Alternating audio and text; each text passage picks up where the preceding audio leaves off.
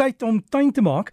Saam met JJ van Rensburg, hy is ook betrokke by Garden World en JJ, ek weet jy het sulke lang bene want deels soos jy in Australië, deels in Suid-Afrika en uh, waar is jy op die oomblik? Nee, ek is op die oomblik in Australië.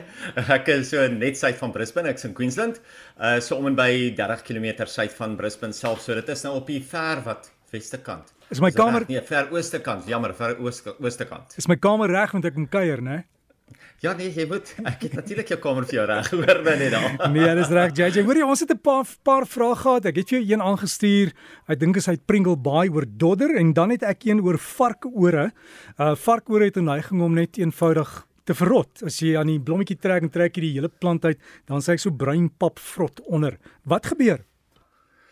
Wie wat Derek ja nee die ehm um, varkore kry baie keer 'n bolvrot en dit kom gewoonlik nie net van al die reën nie, maar dit kom ook van die hitte en as die grond self vasgeslaan het om die bolle. So wat 'n mens maar moet doen, is jy moet daai plante uithaal, lekker kort afsny, lekker baie kompos in die grond inwerk om die grond weer lekker los te kry en dan kan jy die bolle self behandel met 'n bolvrotdoder. Soos byvoorbeeld 'n Mycogard is 'n baie goeie om te gebruik. Jy kan die bolle self kan jy daarin doop en dan kan jy natuurlik nadat jy hulle weer teruggeplant het, kan jy die um, bolle weer daarmee nat maak grond ook daarmee nat maak, kan maak jy sommer ook die fungus wat in die grond is maak jy ook sommer dood. Maar jy praat nou van Pringle Bay. Jy wou gesê die pragtige Pringle Bay. Ja, ja, is mooi plek.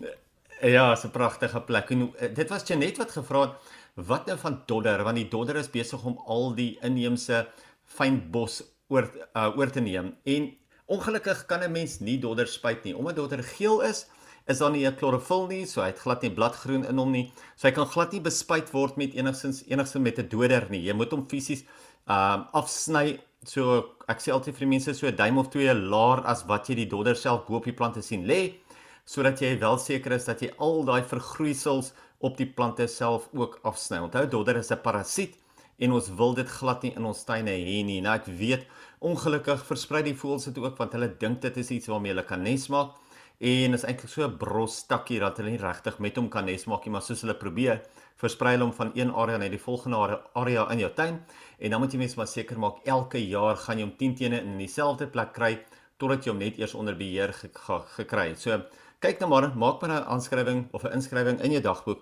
om te sê, weet jy wat, laat in die jaar gaan kyk in daai bedding, daar waar ek die dodder altyd gekry het, ek behoort om weer daar te kry. En dan word ons Pringle baie weer pragtig te hê sonder dodder.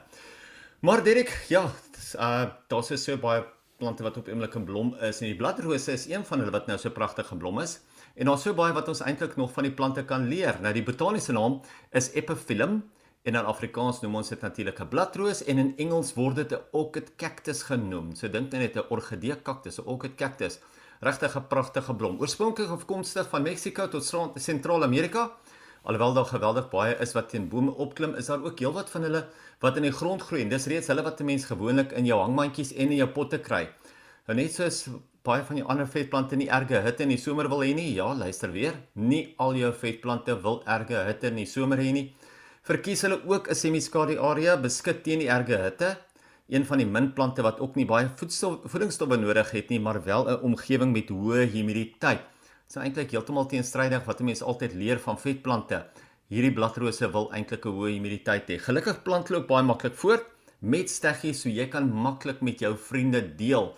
So kyk jy of jy 'n pragtige bladroos ergens by 'n vriend of 'n vriendin sien en dan kry jy vir jou sommer daar so steggie want dit is nie die tipe van ding wat jy in 'n kwekery sommer maklik gekoop sal kry nie.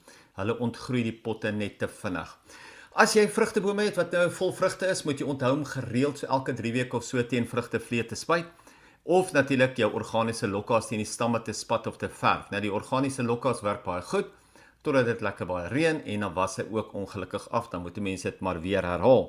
Die laaste bespuiting wat 'n mens doen as jy sou spuit, moet wees sodra die vrugte mooi geswel is en natuurlik ook begin verkleur.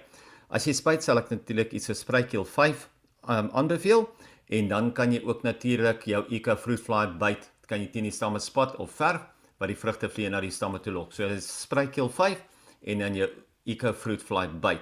Nog 'n plant wat nou pragtig gaan blom is, is ook jou daglelies of hulle begin eintlik nou net te blom. En dis eintlik een van die maklikste plante om te bestuif en die saad van te kweek. Ek praat altyd van hoe maklik dit is om dit met clivias te doen. Nou met die daglelies is dit net so maklik. Dit vat ongeveer 2 jaar vandat jy die saad gesaai het tot die plante begin blom.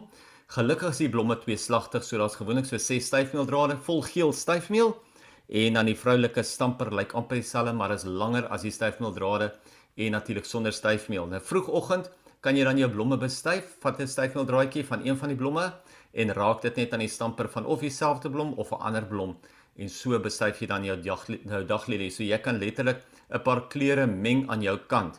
Na 'n paar dae sal jy sommer vinnig sien of dit suksesvol was of nie.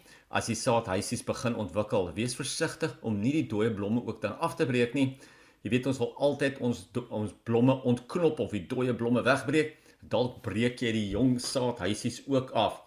Dit vat dan so 6 tot 8 weke vir die saad om te ontwikkel en sodra dit oopbars kan jy dit oes en dit weer saai.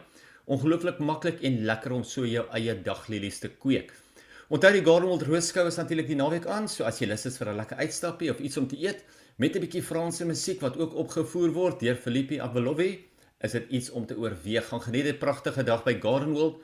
Onthou natuurlik is jou eie uitstalling ook daar so Derek, die ene met die pragtige sonsondergange of die pragtige gedeeltes van Johannesburg, daai fotos en dan natuurlik vir meer inligting, pryse en die program kan jy by Gardenwold se webtuiste gaan loer by www.gardenwold.co.za.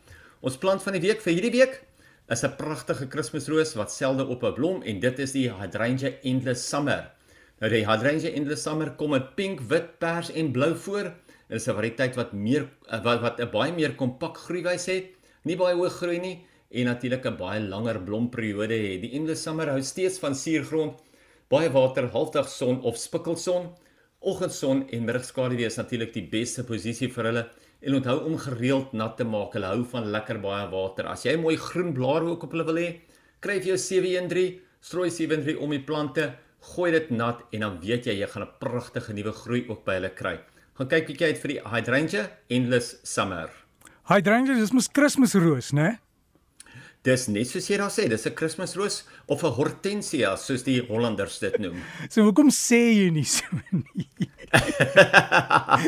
ek het hom vroeg gesê, ek dink jy was besig om die volgende liedjie reg te kry. Nee nee, ek het gehoor. Nee, jy weet baie keer dan hoor jy 'n naam, so dis makliker om Kersroos te onthou as hy Dranger.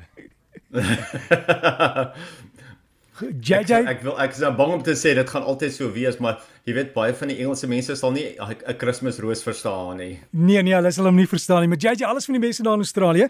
Ons sal volgende naweek weer met jou gesels en JJ plaas ook vir ons die fotos van ons plant van die week en die raad wat hy gegee het op die Breakfast Facebookblad. Jy kan daar gaan kyk en dan kan jy lekker tuin maak.